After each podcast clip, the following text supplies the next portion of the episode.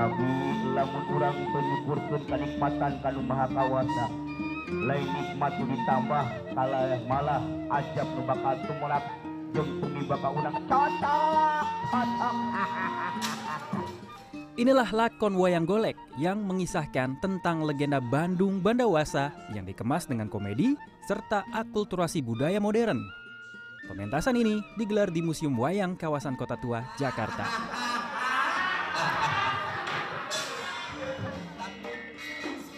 Suasana semakin lengkap dengan adanya perangkat gambang, bonang, dan gamelan, serta sinden yang selalu mengisi alunan musik, lagu, serta ekspresi dalam mengantarkan lakon wayangnya.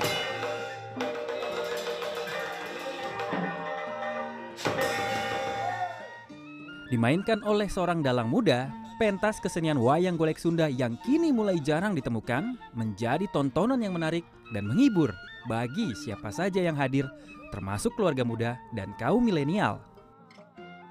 Pertama emang beberapa waktu yang lalu lagi suka nonton pagelaran wayang, terus belum pernah nonton wayang golek sih. Jadi eh, sekarang lagi ada, jadi pengen lihat kayak gimana sih wayang golek gitu. Sebelumnya mungkin lebih ke wayang kulit, eh, wayang orang kayak gitu. Biasanya lebih dari yang kayak daerah Jawa sama Bali. Nah ini kan dari Sunda, terus jadi kayak penasaran sih gimana. Eh, at least eh, tetap dipertahankan ya, karena kan warisan budaya dan orang-orang bisa tahu makna cerita, pesan moral dan amanah yang dikasih dari pertunjukannya itu apa sih gitu. Ki Wardana menyebut seni wayang yang merupakan aset budaya bangsa Indonesia harus tetap eksis dan dilestarikan dengan menargetkan kaum muda untuk menontonnya. Apalagi banyak pesan moral terkandung dalam setiap pentas pagelaran wayang yang dimainkan. kita sebagai bangsa yang banyak budayanya gitu siapa lagi yang pengen eh, apa namanya melestarikan budaya kalau bukan kitanya sebagai bangsa Indonesia yang banyak budayanya khususnya wayang golek gitu. Kayak saya berkewajiban untuk melestarikan ini soalnya ini adalah aset negara juga. Nah gitu. Sebagai aset negara juga memang sudah diakui gitu oleh di dunia terutama di UNESCO juga udah sampai sampai sana gitu bahwasanya budaya kita ini eh, apa namanya budaya adiluhung yang memang orang juga pada apa ya pada suka. Emang sih kadang tergantung sikon situasi itu kondisi. Biasanya kalau misalkan emang sikonnya mendukung gitu situasinya mendukung kadang banyak gitu anak-anak muda. Apalagi saya juga kalau eh, mengambil gitu wayang itu jangan menotok menotok kayak dulu gitu. Tapi bagaimana eh, caranya gitu untuk anak muda zaman sekarang suka dengan wayang. Saya dengan dangdut gitu tadi dengan yang sebanyak gitu sebenarnya mah bukan anak muda yang kagak suka tapi kitanya tertantang gitu. Supaya bagaimana anak muda ini cinta dengan seninya gitu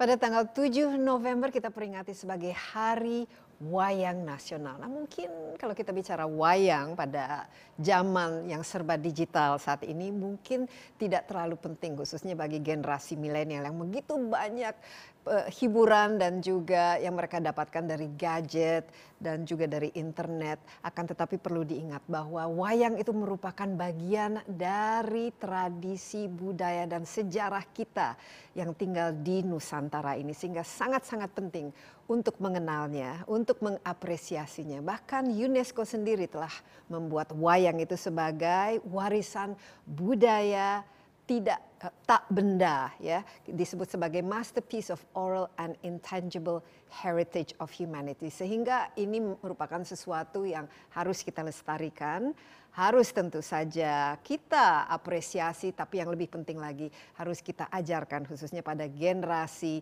generasi penerusnya agar budaya, tradisi, apa pun yang berkaitan dengan wayang ini akan tidak hilang begitu saja.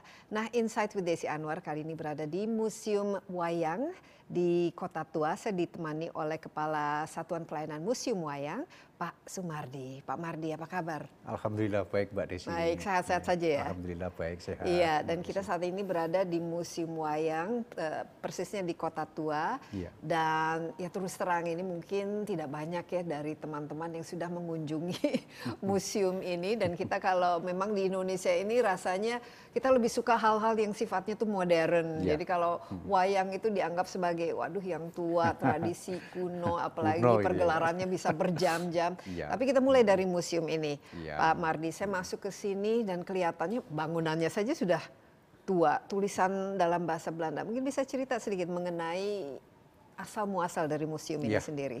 Baik Mbak Desi, terima kasih dan tak terhingga ini kebanggaan dan kebanggaan kami kehormatan bagi kami Museum Wayang kedatangan Mbak Desi dan CNN TV tentunya ya eh, terkait dengan apa itu budaya wayang apalagi sebentar lagi menyambut Hari Wayang Nasional tanggal 7 November. Oke, eh, terkait dengan bangunan gedung Museum Wayang ini sebenarnya cukup memerlukan waktu yang sangat panjang, Mbak. Sejak 1640 itu sudah ada. 1640 Iya. nih, zaman ini ya, zaman Belanda Ya, ya. pada zaman kolonial Belanda, tetapi dulu itu sebuah gereja. Oh, ini sebuah gereja ya, dulu asalnya. Dulu asalnya gereja yang dipakai untuk peribadatan tentunya umat Nasrani pada zaman Belanda pada zaman itu. Ya, abad 17 Nah, dulu. Ya, kemudian gereja itu punya nama itu ya, The Old Holland Kerk. Kurang lebih seperti itu. Ini Karena bahasa Belanda jadi agak sulit saya. Kira-kira artinya itu gereja tua. gereja tua atau lama. Gereja Biasanya lama, itu, ya. iya. Itu kira-kira sampai 1732. Kira-kira. Kemudian dibangun kembali gereja itu, kemudian ganti nama. Depannya ditambahin new. The Oke. New Holland Seeker. Oh, jadi bukan tua lagi Ya, tapi, yang uh, baru. Gereja gereja Belanda baru gitu. Nah, kemudian setelah itu gereja tersebut beralih fungsi dan kepemilikan. Ya, pernah juga menjadi uh, Museum Batavia lama ya Mhm. sebelum ada museum sejarah sekarang. Kemudian juga pernah menjadi pusat pengetahuan uh, pusat penelitian ilmu pengetahuan. Hmm. Tapi secara bangunannya itu sendiri, seberapa eh, banyak ini masih dalam kondisi utuh atau orisinal dari? Ya. Atau apakah sudah banyak yang secara mungkin orisinalnya ditambahkan? Hmm. tentunya sudah mengalami perubahan yang cukup signifikan. Karena apa? Pernah gereja tersebut runtuh. Runtuh ini ada dua versi pendapat. Hmm. Ver- pendapat pertama adalah memang gereja tersebut hancur karena gempa bumi. Ya, Oke. Akibat gempa bumi, terus kemudian ada yang berpendapat lain adalah memang sengaja dihancurkan. Dirobohkan karena eh, materialnya sangat labil, terutama tanah-tanah yang di bawah ini karena kan di sini kan wilayah masih pesisir ya, jadi tanahnya labil sengaja dihancurkan agar tidak membahayakan penghuni di dalamnya. Kemudian baru dibangun kembali pada tahun 1912. 1912 ya, Ya, waktu itu kita tentu saja sampai masih zaman yang ada ini, kolonial. ya. ya. Artinya dari batasan tembok ini ke sana ini yang gedung lama yang dulu konon gereja kemudian hancur kemudian dibangun kembali semenjak 1912 itu. 1912 Ya. ya. Dan kita lihat masih banyak sekali tulisan-tulisan dalam Ya. bahasa Belanda Uh, dan di situ ada peninggalan prasasti. Mhm. Prasasti itu adalah dulu sebuah taman ya, taman depan gereja itu yang dulu dipakai untuk eh, pemakaman pejabat tinggi Belanda. Kira-kira ada 18 gubernur jenderal Belanda Waduh. beserta isinya. termasuk istrinya. ini nggak Jan Peter Sungkun Ya, termasuk JP Kun. Konon informasinya juga pernah dimakamkan di sini. Jadi JP Kun dan 18 gubernur jenderal Belanda yang dimakamkan di taman tersebut dan juga para eh, jenderal-jenderal lainnya. Gitu. Namun semuanya itu tinggal prasastinya saja. Iya. Karena jasadnya sudah diangkat semua dan sebagian informasinya sudah ada yang dipindahkan ke Taman Prasasti yang di Tanah Abang. Iya, jadi Nah, ke- menariknya lagi, ada yang berpendapat bahwa sebenarnya jasad JP Kun sudah dibawa ke Belanda. Ada yang berpendapat uh, pendapat seperti itu. Mbak sampai Desi. sekarang masih belum jelas ya sampai sebenarnya sekarang belum jelas artinya teks tertu- uh, tertulis yang akurat itu sampai sekarang Iya, belum tapi ditentukan. Intinya auranya masih ada di sini. Ya, Ini merupakan sangat-sangat eh, bagian ya dari Ya. sejarah Indonesia itu Ya. sendiri. Namanya kan juga Batavia kan Ya. dulu daerah ini. Nah perjalanannya menjadi museum wayang itu sendiri bagaimana Pak Nah, Mardi? kemudian tahun 68 ya, 1968 gedung ini diserahkan ke Pemprov DKI Jakarta. Oke, waktu itu siap Pemprov DKI ini Jakarta, masih eh, Pak Ali Sadikin. Pak Ali Pak Sadikin ya waktu itu. Kemudian em, dulu itu di sini itu ada sebuah yayasan namanya Yayasan Nawangi. Nawangi itu pembinaan pewayangan Indonesia yang dipelopori oleh Pak eh, Bambang Gunarjo pada waktu itu ya. Kemudian dari situ Yayasan Nawangi itu punya sebuah koleksi wayang yang notabene beliau-beliau sempat eh, membuat rancangan untuk bagaimana caranya untuk membuat sebuah museum, Ya. museum wayang dalam hal ini kan. Untuk menyimpan wayang-wayang. Ada wayang berapa tersebut. waktu itu koleksi? Oh, Seberapa pada besar? waktu itu masih belum banyak sih, masih bisa dihitung. Itu kemudian hal tersebut diungkapkan kepada Pak Ali Sadikin. Kemudian Pak Ali Sadikin langsung tanggap, langsung diambil. Kemudian pada tanggal kongres kongres wayang eh, tahun 74 kongres wayang kedua ini tahun 74 di situ Pak Ali Sadikin mencanangkan bahwasanya gedung itu akan kita jadikan museum wayang. Nah, di Gitu. situ ya pada tahun 74. 74 ya kemudian baru gedung tersebut diresmikan pada tanggal 13 Agustus 1975 Oke. sampai sekarang. Jadi 40 Gitu. tahun lah kira- kira-kira ya, kira-kira sekarang usianya. 45, 45 tahun, ya. 45 tahun itu. Salah satu program unit pengelola museum seni khususnya untuk museum wayang ini ada pergelaran. Mhm. Jadi bukan sekedar menyimpan koleksi di storage, bukan sekedar memamerkan di tata pamer, bukan sekedar untuk edukasi ke masyarakat secara umum, tapi kita juga memberikan informasi eh, dinamisnya.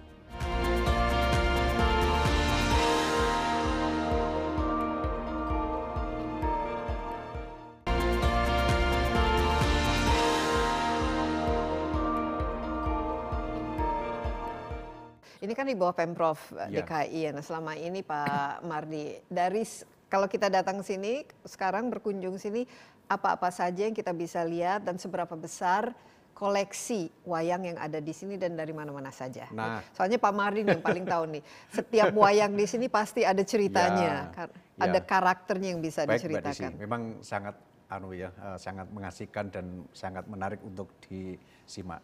Jadi gini, semenjak diresmikan tahun 75 itu SK pendirian Museum Wayang itu baru turun atau baru terbit Hmm. dua tahun setelahnya. Oke. Jadi dua tahun 1917, 76. Eh 77, 77. 77. SK pendirian museum baru terbit itu yang tanda tangani oleh Pak Ali Sadikin itu. Tapi nggak ada masalah, artinya kan semua proses kan berjalan kan gitu. Nah dari situ lambat laun lambat tahun kemudian eh, koleksi museum wayang semakin bertambah. Sampai sekarang terhitung 6.863 koleksi. Waduh, 6000 itu Nah. semua terdata kan? Terdata, kemudian koleksi itu bukan hanya wayang kulit dan wayang golek, tapi berbagai macam koleksi wayang dan sejenisnya itu dari seluruh Nusantara dan juga dari mancanegara. Itu dari siapa? Koleksi pribadi atau Ada koleksi? koleksi pribadi yang disumbangkan, ya kemudian koleksi dari awal ya, dari awal ketika Yayasan Nawangi itu, dari Pak Budiarjo itu, kemudian ada juga yang pengadaan atau pembelian gitu dan juga selain itu sumbangan dari berbagai kedutaan besar dari luar negeri Oh, ketika mengadakan menyumbang. ya ketika pameran wayang di Indonesia pada waktu itu koleksinya langsung disumbangkan ke kita Paling gitu. tua ya wayang yang ada di sini itu berapa usianya dan dari mana? Pak kami punya koleksi masterpiece wayang intan wayang intan. wayang intan itu wayang kulit gaya Yogyakarta itu dibuat tahun 1870 1870 Hmm. Siapa yang waktu itu yang Em, gini, waktu itu kerajaan Mataram Mhm.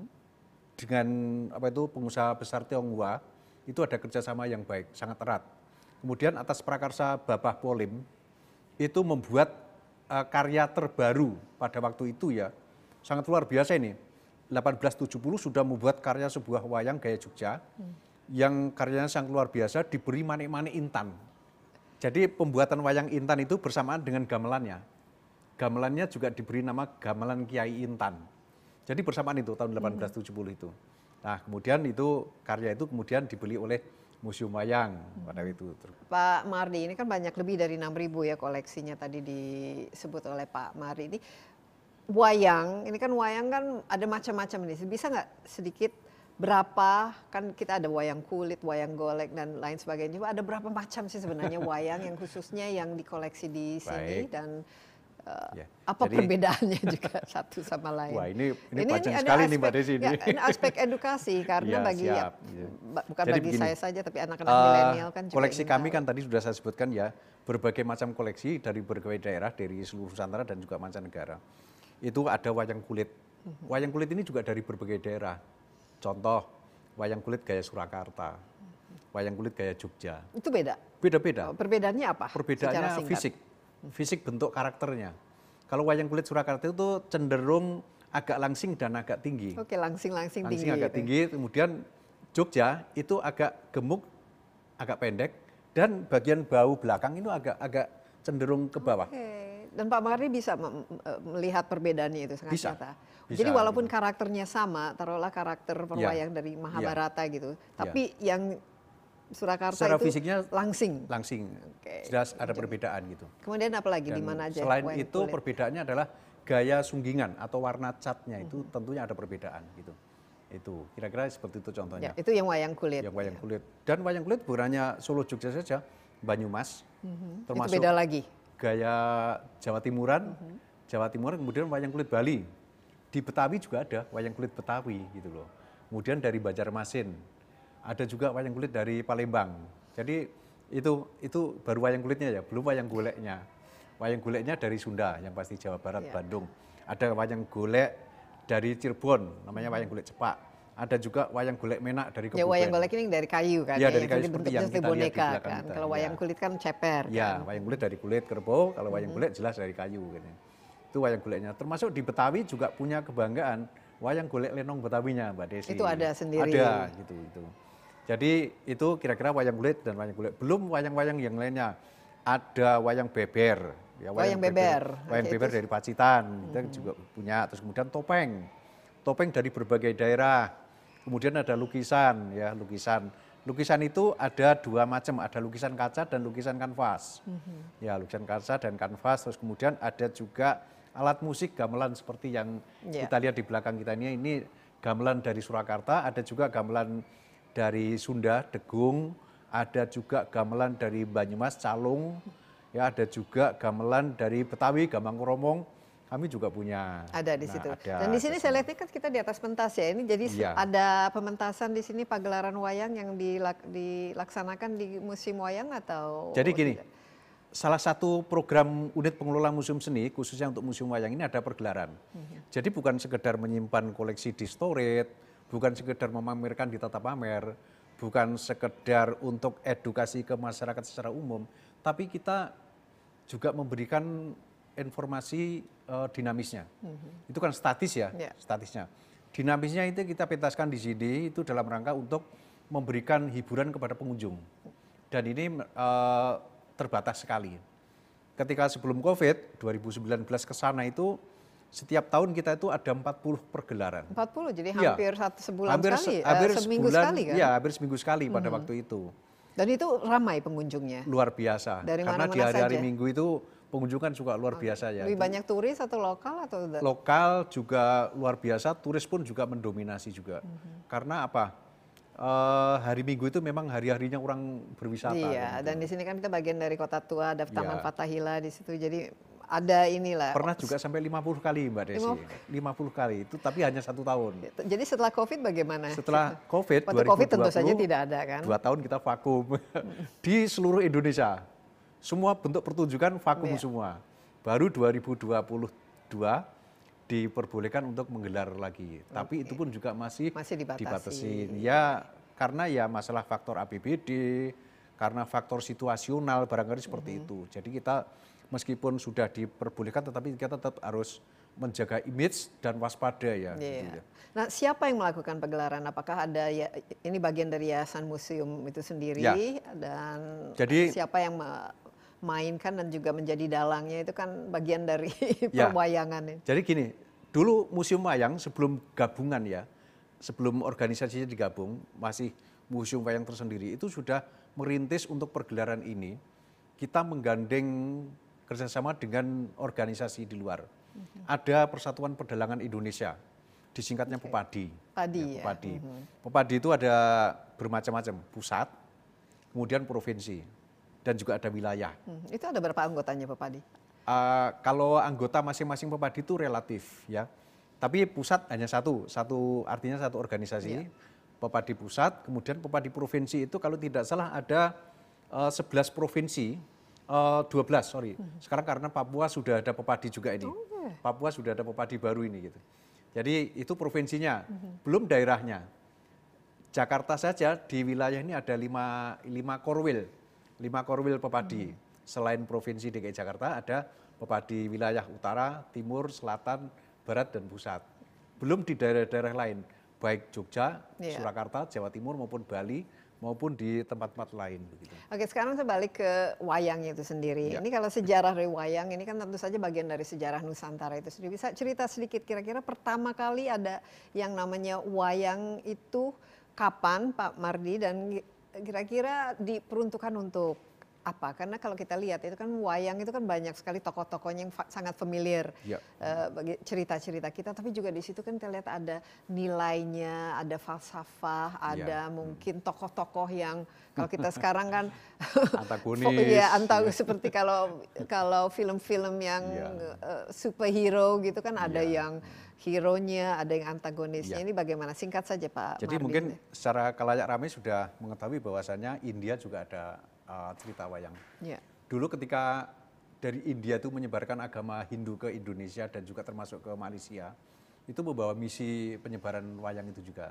Jadi dari situ berangkat dari situ akhirnya kan itu ke kerajaan-kerajaan tertua di Indonesia ya seperti di eh, Mojopahit dan lain sebagainya sehingga muncullah pertunjukan-pertunjukan wayang di Indonesia. Jadi kalau budaya wayang itu sebenarnya asli buatan Indonesia. Cuman ceritanya memang ada yang mensinyalir bahwa itu cerita dari India. Ya kan ada yang dari Ramayana, Iya, ada Mahabharata, Ramayana, Mahabharata, tentang dan- perang antara ini ya eh, darah apa? guru lah ibaratnya. Iya. Jadi di Indonesia sendiri dan- dulu gini, awal munculnya ada pertunjukan wayang itu kita lihat dulu dari arti kata wayang itu sendiri. Wayang kan berasal dari kata bayang-bayang atau penggambaran kehidupan Mhm. manusia ya. Itu artinya penggambaran kehidupan manusia itu ada perbuatan yang baik dan jahat. Ada juga yang berpendapat bahwasannya wayang itu ditonton dari bayangannya. Nah, gitu.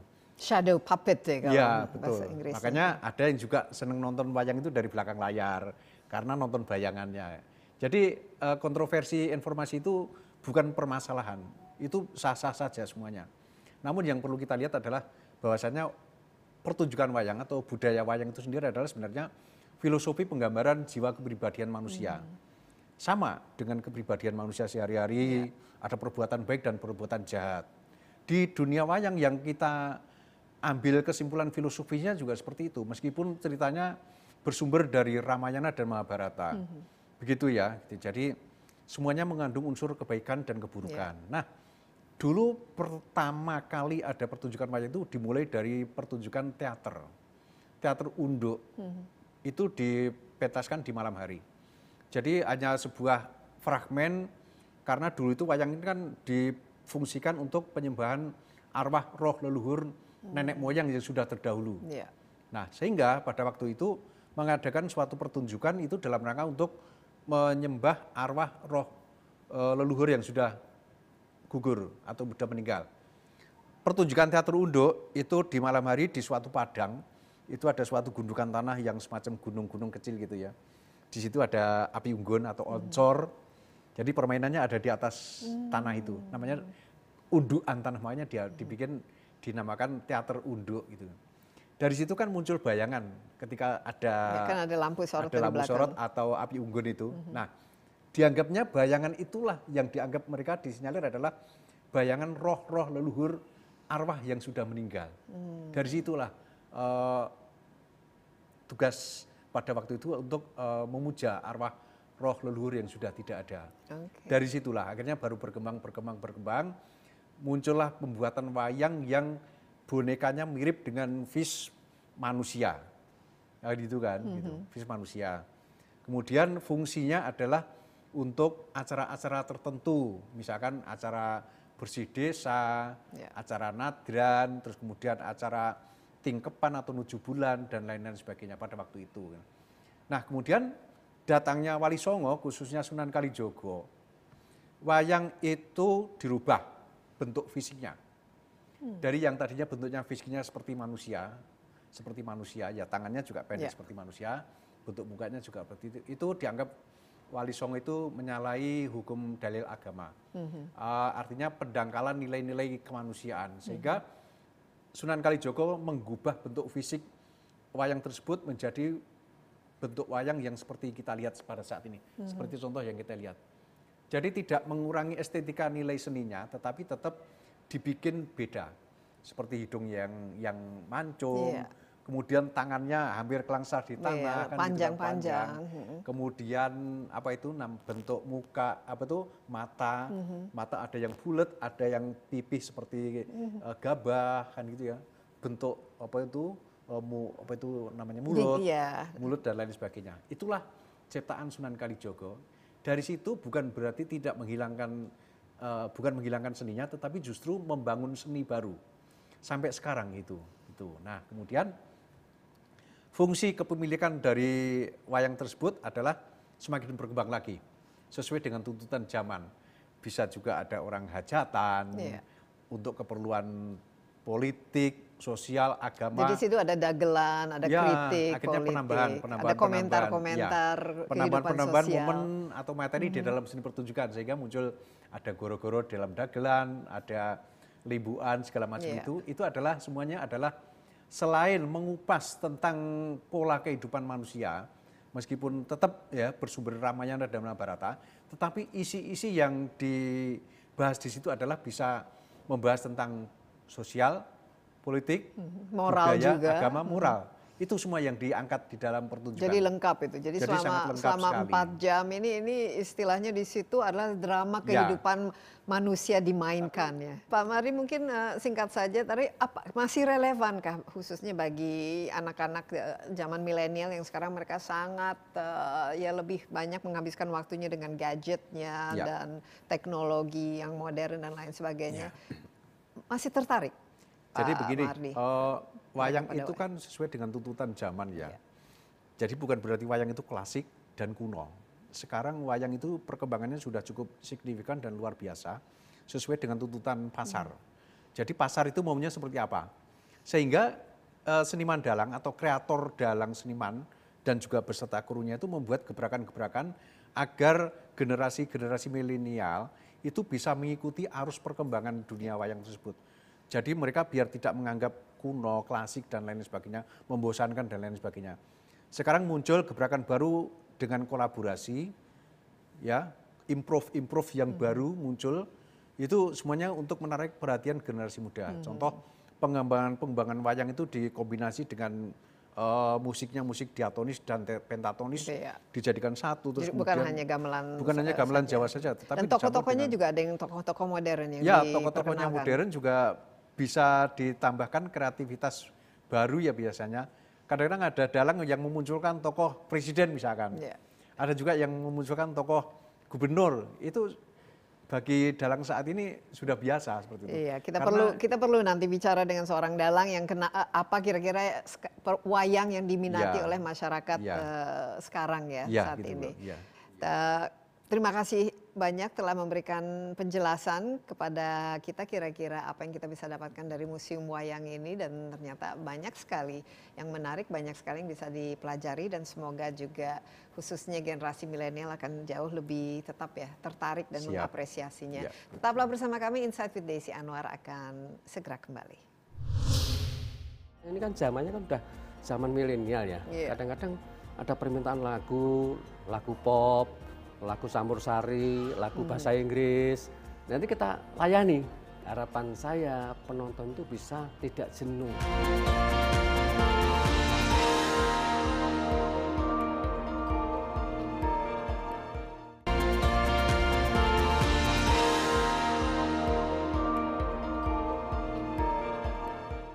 Kembali dalam Insight with Desi Anwar kali ini kita dari Museum Wayang di kawasan Kota Tua kita berbicara sedikit ya, untuk mengenal dan lebih eh, mengapresiasi lagi karena pada tanggal 7 November merupakan Hari Wayang Nasional dan tentu saja ini merupakan sesuatu yang harusnya kita betul-betul coba memahami lebih dalam lagi apa arti wayang persisnya dalam kehidupan kita saat ini. Saya sudah dit- ditemani oleh seorang dalang yang heboh ya, Ki Gunarto, dalang duta budaya Eropa dan Jep- Jepang ya.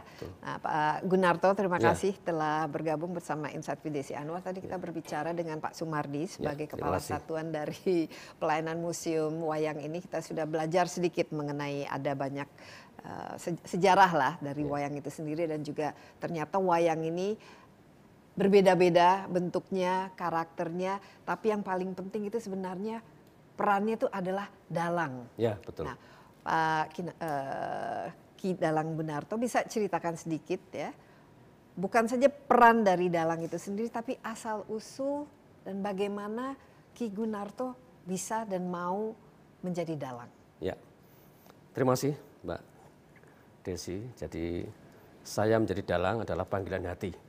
Karena sejak kecil saya itu sering diajak nonton wayang oleh bapak saya, sehingga lama-lama saya itu kepengen jadi dalang gitu loh. Saat itu eh, bapak saya memang senangannya nonton dan saya selalu dibawa untuk melihat Ini di mana waktu itu tempatnya? di Gunung Kidul, Di Gunung Kidul, tempat Yogyakarta. ya, asalnya dari situ aslinya. ya Ki Gunarto Betul. aslinya. Gitu. Akhirnya saya tertarik untuk menjadi dalang. Tapi apa yang membuat waktu itu kan masih kecil ya? Ya. Umurnya berapa kira-kira? Kira-kira eh, masih belum sekolah kok itu jadi Belum sekolah, jadi empat empat, tahun empat- mungkin ya. Apa yang waktu itu membuat Ya. eh, Ki sangat Saya tertarik? melihat wayang ini apa itu eh, mendapatkan inspirasi yang besar dari penonton. Hmm. Jadi karena wayang waktu itu menjadi pusat perhatian, penontonnya banyak gitu, Hmm. saya seneng untuk itu dan bisa memberikan pesan-pesan apa di dalam wayang itu bisa gitu loh. Sehingga tertariklah saya untuk menjadi dalang itu. Hmm. Jadi aslinya bapak saya juga bukan dalang. Bukan. Ya, tapi saya Hmm. Tapi tertarik. didorong oleh bapak? Ya, waktu itu saya eh, memang apa itu didorong untuk menjadi eh, dalang. Cuman ya syaratnya satu, sekolahnya harus selesai. Jadi waktu itu memang saya sempat dilarang untuk Iya. tidak boleh mendalang atau latihan dalang karena nilai sekolah saya tidak baik waktu itu. Waduh, anjlok. Tapi kan kalau menonton wayang kan bisa bukan saja berjam-jam tadi disebut Pak Mari bisa semalam suntuk ya. Ini Betul. diperbolehkan waktu Iya. itu ketika Jadi kecil. saya memang saat itu setiap saya nonton itu mesti selalu sampai selesai. Kalau Hmm. Berapa belum- jam itu waktu itu paling Ya lama? kira-kira tujuh jam lah. Oh tujuh jam terus gimana tidurnya itu?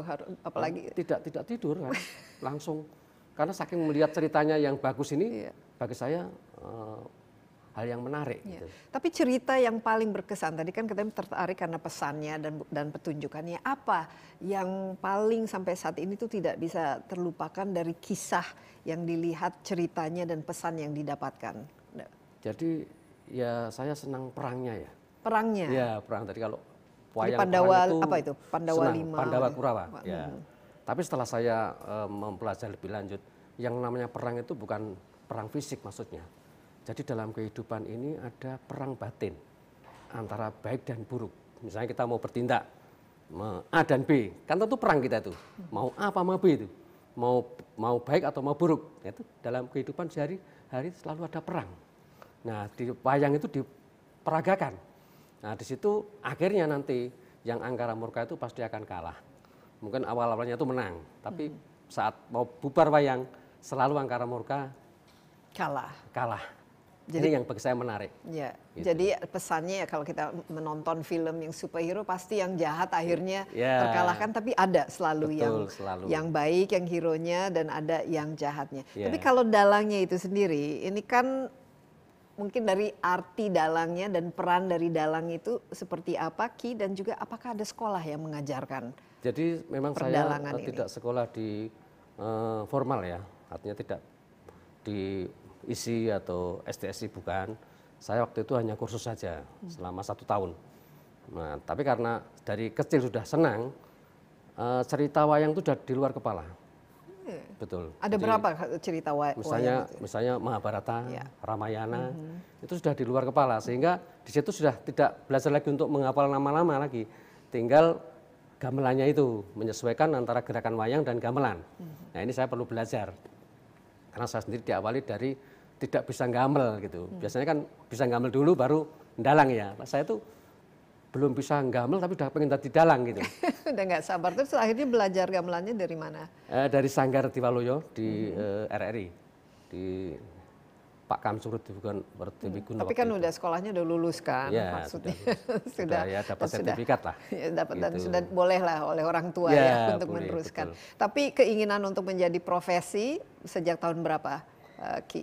Saya tahun 2000 sudah Sudah eh, lebih dari 20 tahun sudah kalau pengen eh, terus sudah kursus kemudian sudah menjadi dalam mulai dalang waktu itu. secara Sama sekali. profesional. Ya. Pertama kali mentas secara ini dengan ada audiens yang Ya, itu di kampung saya, di kelurahan waktu itu. Saya sudah bisa latihan Mhm. berkali-kali, kemudian kok sudah dianggap bisa gitu, kemudian teman-teman mendorong saya untuk pentas perdana gitu di kampung di kelurahan. dan bagaimana waktu itu perasaannya? Ya saya senang, tapi masih masih kurang puas karena belum sempurna. Jadi seorang dalang itu tidak bisa langsung eh, menguasai semua enggak, jadi pelan-pelan. Dari segi suara aja harus sabar misalnya, harus menunggu gendingnya belakang menyesuaikan, itu kan perlu waktu. Oke, sekarang kalau saya tanya, dalang kan biasanya di belakang layar ya, Ya. apalagi kalau di ini screennya kita kan hanya melihat bayangannya saja. Ya. Elemen yang mem- elemen untuk eh, definisi seorang dalang itu apa? Perannya itu apa dan apa yang harus dia lakukan? Ya. Ki, Jadi sebenarnya dalang itu melayani ya, melayani. melayani pemirsa atau masyarakat. Jadi ibarat menjual itu eh, yang diinginkan itu apa masyarakat. Kita harus mendengarkan. Misalnya inginnya ini, ya kita harus menjual yang yang di, yang dibutuhkan itu. Dan itu bisa dilakukan secara improvisasi saat itu atau pakai latihan? Eh, jadi gini, setiap ada pagelaran wayang, kami juga selalu melihat.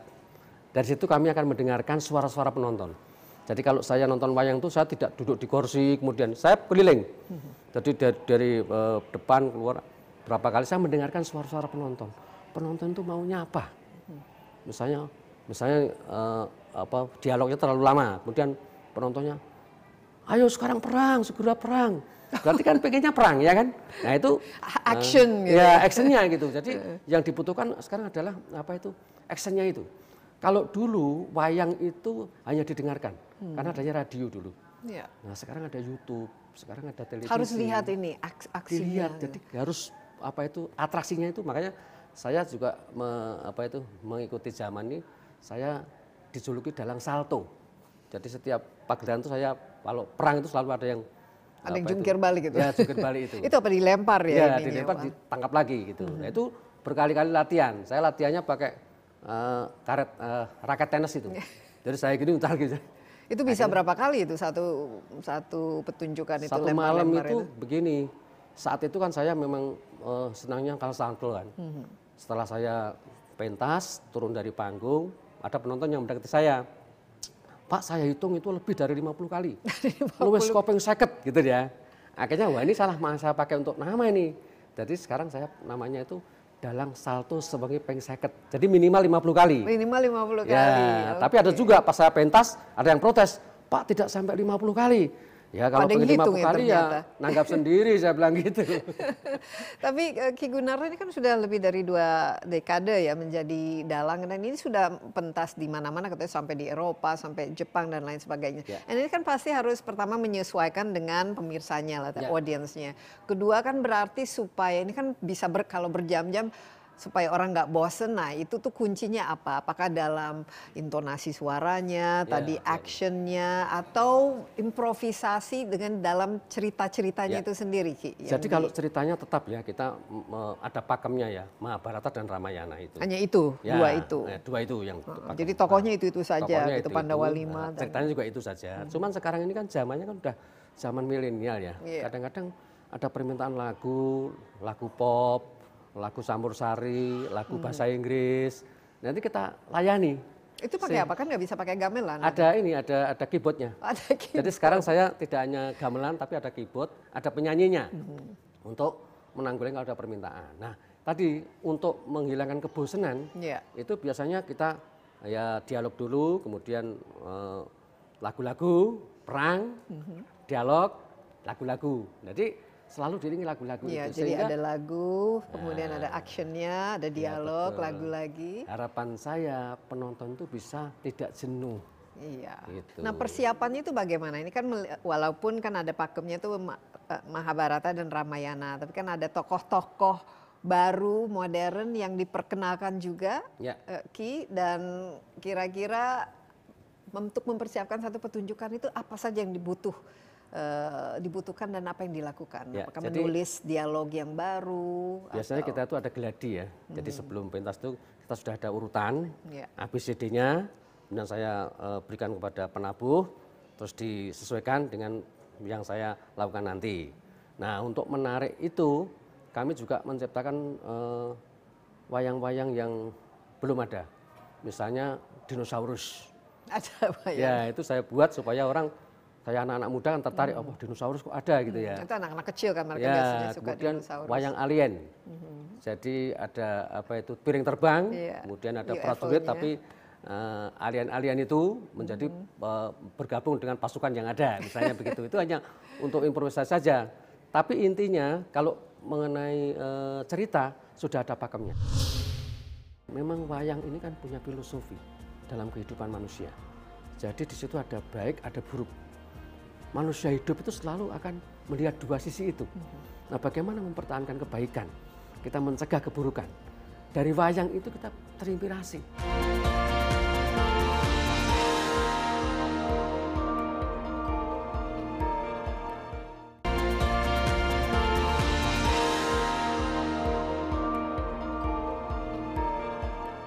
Zaman berubah ya dan apalagi seperti kita lihat tadi generasi milenial mereka banyak sekali distraksi hiburan macam-macam Ya, film, betul. YouTube, video games dan lain sebagainya. Nah, untuk tetap relevan, kira-kira pesan yang masih relevan untuk eh, anak-anak zaman sekarang ini supaya wayang masih menjadi pilihan Ya. apa?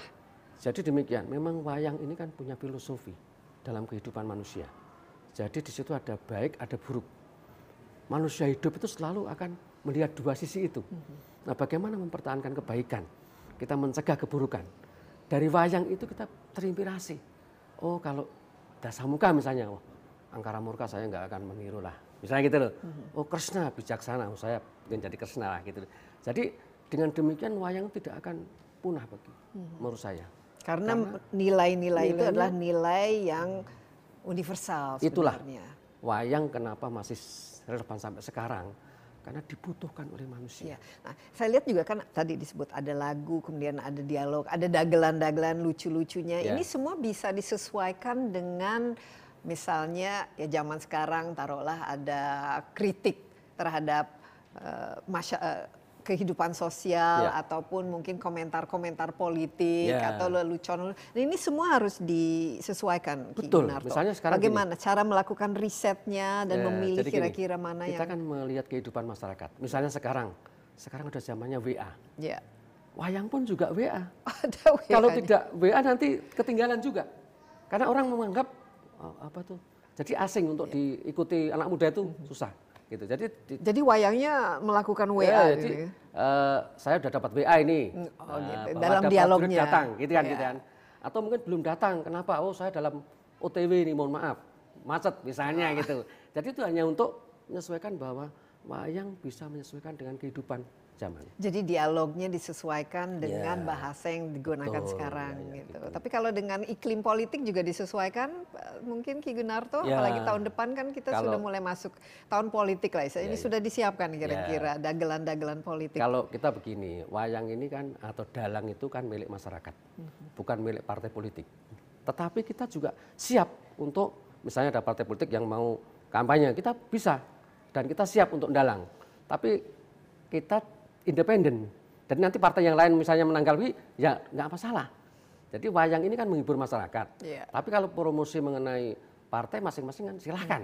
Iya. Kita mengumpulkan orang saja yang berbicara bapak, monggo kan gitu. Jadi kita membantu untuk mensosialisasi program-program. Iya, kalau kita sekarang mengatakan, oh dia dalangnya, Ya, gitu. orang yang dibalik itu semua. Tapi ngomong-ngomong Ki Gunarto pada eh, beberapa tahun yang lalu sempat ke Eropa Ya. dan ke Jepang. Nah ini Ya. kan masalah bahasa. Ya. Sementara ini kalau penggelaran kan dalam bahasa Jawa atau bahasa Indonesia kan. Ya. Nah, ini Eh, bagaimana menyesuaikan dengan audiens yang Eh, jadi eh, demikian. Kalau tidak di, familiar dengan perwayangan kalau di luar negeri itu pentasnya tidak semalam itu tidak. ya enggak. Paling hanya satu jam. Nah, Satu jam itu udah Sehingga maksimum kita ya. bisa lebih praktis lagi. Kalau dari segi bahasa memang dia mintanya bahasa aslinya. Cuman kan ada terjemahan.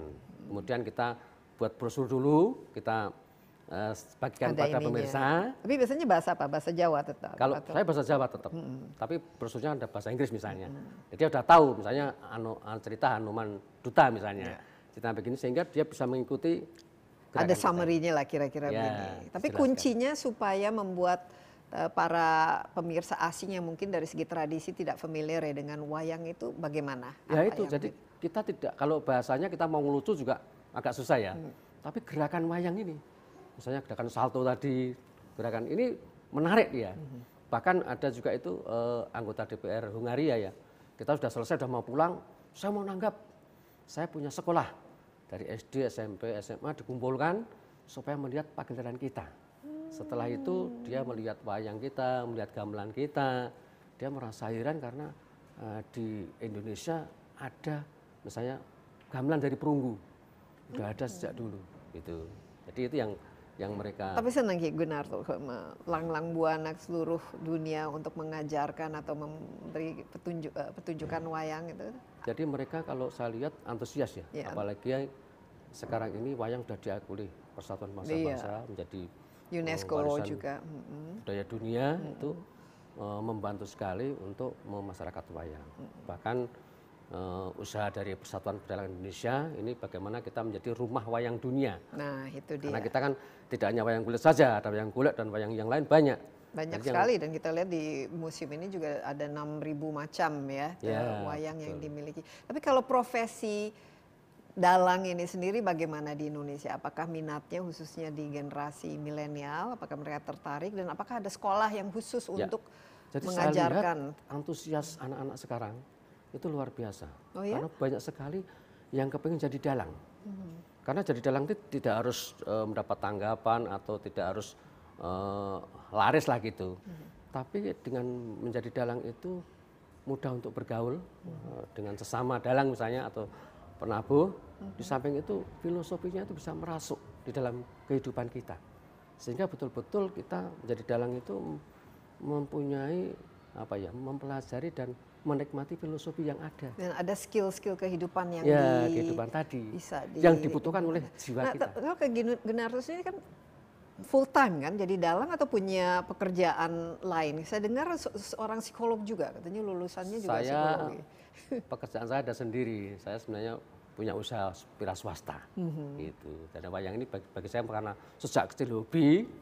Nah, akhirnya di samping saya punya wira swasta usaha, saya dalang juga begitu. Jadi tidak semata-mata untuk cari uang juga. Bagaimana supaya wayang ini digemari oleh anak-anak muda terutama yang bagi saya sayang sekali kalau anak-anak muda ini tidak senang pada wayang. Saya tidak melarang anak-anak muda itu belajar budaya asing ya, tapi sebelum mempelajari belajar budaya kita sendiri, sehingga bisa nyaring kan, mana yang sesuai dengan kepribadian, mana yang tidak, bisa tahu, oh ini tidak sesuai ya nggak usah dipakai. Iya. Nah, kira-kira kalau menjadi duta wayang ke mancanegara ini nilai-nilai apa yang selain ya ada aspek kebaikan dan eh, baik dan buruk yang harus menjadi perang dalam diri kita. Apa kira-kira yang bisa disampaikan Ya, pesan-pesan artinya- yang khusus dari Nusantara ini? Karena Ya, ini kan artinya kita bisa mempromosikan negara kita ya, paling tidak. Oh ini Indonesia punya kebudayaan yang seperti ini. diplo- yang- bagian dari diplomasi yang budaya berbeda, gitu. ya, sehingga mungkin akan lebih mengenal atau mungkin pengen datang ke negara kita gitu. Uh, atau juga yang mere- mereka ingin uh, menyenangi, mereka bisa belajar di sini. Mhm. Seperti misalnya ISI juga ada mahasiswa dari Amerika, dari Inggris, Hmm. bahkan ada yang dari Amerika, Amerika itu jadi dalang juga ada. Coba kalau kita lihat kan karakternya kan dari Ramayana atau Mahabharata ini kan ada beberapa tokoh kalau kita yang ada yang Pandawa limanya. Ya. Ki- apa yang kita bisa pelajari dari karakter karakter ini selain baik dan buruk itu? Ap- Apa yang tokoh-tokoh ini yang eh, menurut eh, Kinu Gunarto cerminan dari jiwa maupun spirit dan juga moral atau etika yang Ya. dimiliki manusia? Kalau yang jelas kalau eh, Ramayana ini kan mengenai apa itu? Jadi godaan manusia itu kan ada tiga, harta, tahta, wanita. Kalau di dalam eh, Ramayana itu wanita, karena yang direbutkan adalah Dewi Sinta. Ya. Sampai terjadi perang besar Ya. antara dua negara gara-gara wanita. gitu ya. Diculik oleh ya. Ravana. Tapi kalau Mhm. Mahabharata ada dua, yaitu tahta dan harta.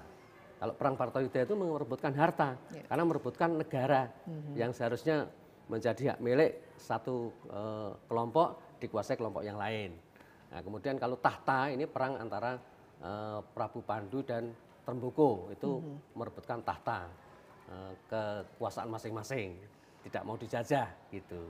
Jadi harta tahta wanita ini yang menjadi selalu menjadi godaan manusia sejak dulu. Hmm, Dan sampai sekarang mungkin kaitannya dengan penger- pe- ya, mengejar status atau mengejar harta atau mengejar ketenaran itu merupakan bagian dari tantangan manusia ya. untuk- Dan kalau sudah tahu filosofi itu ada pengendalian.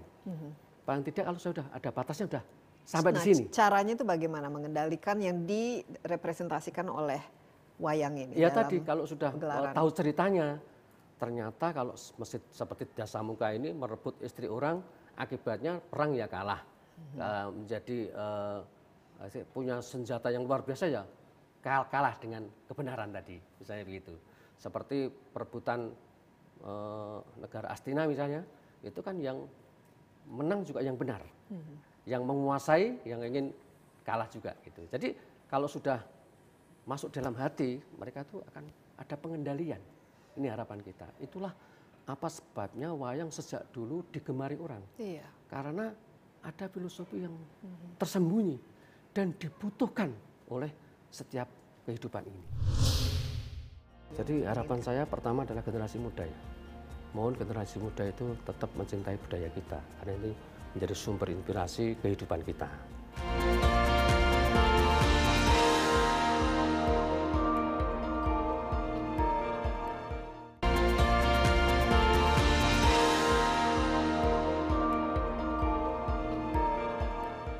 Secara keseluruhan ya misalnya pagelaran wayang sampai semalam suntuk dan ditonton rame-rame ini masih masih hidup atau Masih hidup, masih hidup. dan masih Nah, digemari masih dipahami atau inginkan. mencemaskan ini dalam evolusinya Betul. Memang kalau di- dilihat juga agak surut ya, karena tadi dikatakan yaitu bahwa banyak banyak gadget penonton uh, apa uh, hiburan yang lain, hiburan lain. ada YouTube dan sebagainya. Nah ini sebenarnya peran dalang di sini.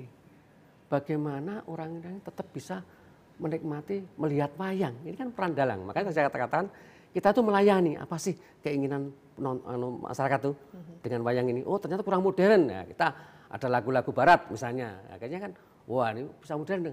Nanti kembali juga ceritanya kita sampaikan juga pesan-pesannya itu. jadi harus paham pasar lah istilahnya Nah, itu. dari segi Ya. marketing ada berapa jumlah dalang di Indonesia saat ini Kalau menurut eh, yang saya tahu Yunar? dari Pepadi itu sebenarnya banyak ya kalau dihitung mungkin sampai 5 ribu.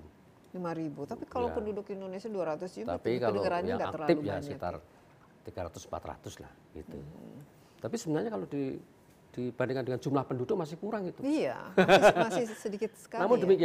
Saya melihat antusias eh, generasi muda memang banyak yang eh, ingin belajar jadi dalang. Itu banyak. Ada. Di, banyak sekali. Jadi kalau di daerah saya dulu, dulu di Gunung Kidul itu dulu paling hanya kurang dari 10, sekarang sudah hampir 200. Oh justru Gitu. semakin lama semakin ba- Iya. bagus dong. Ini mungkin pengaruh Ki Gunarto juga Ya, gini, mensiarkan. mereka kan juga akan melihatkan bahwa tadi kalau bisa melihat bisa menguasai itu berbeda rasanya itu karena tidak hanya apa ya yang dikejar itu kan kebutuhan spiritual itu sebenarnya. Dengan saya menguasai dengan tahu cerita itu saya kok jadi nyaman jadi bergaul juga enak gitu loh. Tapi Tidak- susah nggak jadi dalang? Apa tantangan terbesarnya? ya sebenarnya tidak ah, tidak terlalu susah juga cuma enggak. niat aja. Kalau saya tuh memang niat saya udah kepengen ya. Kalau udah kepengen begitu kan apa pun kita terjang ya.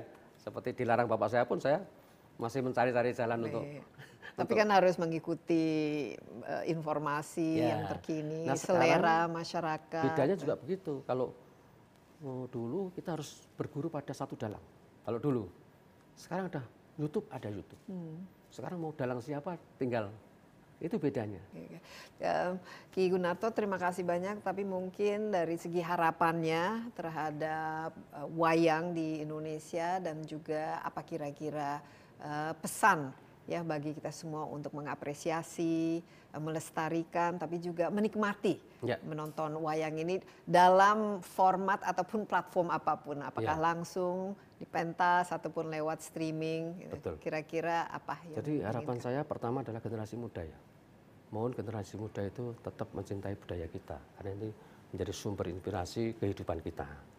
Kemudian bagi penggemar wayang ya silahkan menanggap wayang supaya dalang yang ada ini mereka bisa terekspresi, bisa pentas gitu. Kalau dulu kan eh, zaman eh, Pak Harto dulu kan setiap instansi itu wajib wayangan. Iya. Bagaimana supaya pemerintah juga menggalakkan lagi setiap kabupaten misalnya, setiap eh, instansi pemerintah misalnya pas 17-an wayang serentak. Nah, ini besok Hari Wayang Nasional juga Pak Padu sudah melakukan program mengadakan wayang serentak di berbagai tempat. Itu bagus sih, ide bagus. Tapi yang penting bagaimana sebuah supaya menarik, jadi tidak dipaksa. Nah Iya. ini kan. Jadi saya katakan dalang adalah melayani apa yang diinginkan. Kalau misalnya orang jualan, orang senangannya gudeg, kita tetap eh, masakan Padang ya belum tentu sen- Iya. eh, cocok kan. Sehingga masyarakat mintanya apa ini? Oh sekarang zamannya zaman online ya. Kita harus online juga kan, gitu penjualan misalnya. Iya. Nah, jadi yang yang harus diperhatikan oleh dalang-dalang saya kira itu melihat perkembangan masyarakat, tidak akunya artinya tidak kalau nggak begini salah misalnya itu nanti kan berkembang. Kalau dalam filosofi kan yang abadi itu justru yang tidak abadi itu. Nah wayang akan tidak abadi terus berkembang sesuai perkembangan Jadi evolusi, jadi Nah. bukan benda mati ya, Ya, tetapi merupakan bagian dari kehidupan. Ki Gunarto, terima kasih banyak atas insight-nya, informasinya, dan kalau kita lihat juga sebenarnya anak-anak muda kan sekarang mereka suka sekali film-film superhero, Ya, ya. itu. Tapi di sini juga sebenarnya mirip ya, Ya. sama pesannya. Ya, ya. Ada hero-nya, ada anti hero, ada perangnya, ada actionnya. Jadi kalau kita menonton wayang juga tidak kalah ya dari segi actionnya. Apalagi kalau dalangnya adalah Ki Gunarto dengan wayangnya bisa melakukan salto 50 Ya. kali. Sekali lagi terima kasih Ki Ya. Gunarto dan demikian Insight with Desi Anwar kali ini. Terima kasih atas perhatian Anda. Jangan lupa Anda juga dapat menyaksikan acara ini di cnnindonesia.com dan tentu juga di YouTube ya CNN Indonesia Insight with Desi Anwar. Take care. Bye bye.